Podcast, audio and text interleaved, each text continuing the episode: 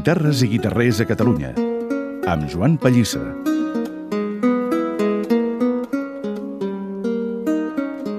Joan Pallissa, bon dia i bona hora. Bon dia i bona hora.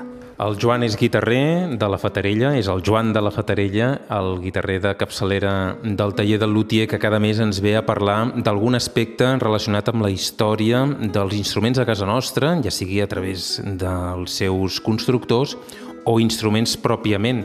Avui ens tornes a portar un instrument de corda. Sí, un instrument de corda metàl·lica. Un instrument també que, per descomptat, construïen els guitarrers catalans, eh, que és lo saltiri.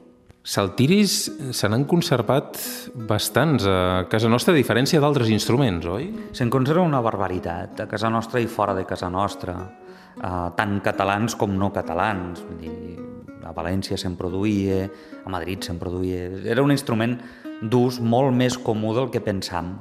Quan parlem del saltiri d'aquí, hem de parlar del saltiri en general de la península. És un tipus d'instrument comú a tota la península ibèrica. Sí, és un instrument...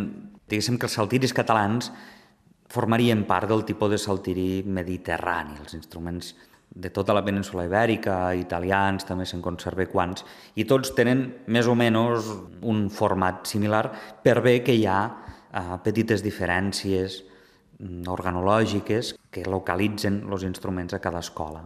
Podríem descriure'l, Joan, breument, per qui hagi sentit a parlar del saltiri però no se l'acabi d'imaginar?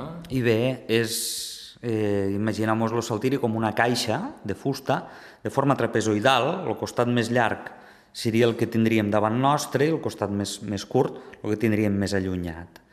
Més o menys paral·leles a la taula harmònica, a la part de dalt del saltiri, i transcorren les cordes. Cordes metàl·liques agrupades en ordres, en grups de 4, 3, 4 o 5 cordes. Damunt la taula, entre la taula i les cordes, hi ha uns ponts que no estan ancolats a la taula, sinó que són mòbils, de manera que pots definir les longituds de cada costat de corda i cada costat de corda et dona una nota en concret. Això fa que no hi hagi una afinació estàndard per, a, per al saltiri, sinó que trobéssim moltíssima varietat. Els saltiris, si bé que en molts llocs se toquen percudits, eh, els saltiris d'aquí se tocaven en plectres. Era un instrument de corda pinçada. Imagineu-vos una espècie d'anell entre anell i didal que es posava, eh, els dit gros, índex i mig de cada mà i que tenia uns petits canons de ploma que eren els que, los que pinçaven les cordes. De manera que és un instrument que, que és melòdic, però al mateix temps és, se pot fer l'acompanyament.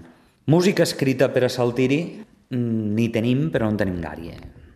Llavors, si bé hi ha molts instruments de música escrita, no n'hi ha massa. Hi ha un, hi ha un manual d'afinació de llaüt, que està a l'arxiu de Manresa, i llavors hi ha un llibre de música a la Biblioteca Nacional de Madrid, eh, de 1764, que és el llibre de música de Joan Roig i Poses, i en este hi ha algunes peces.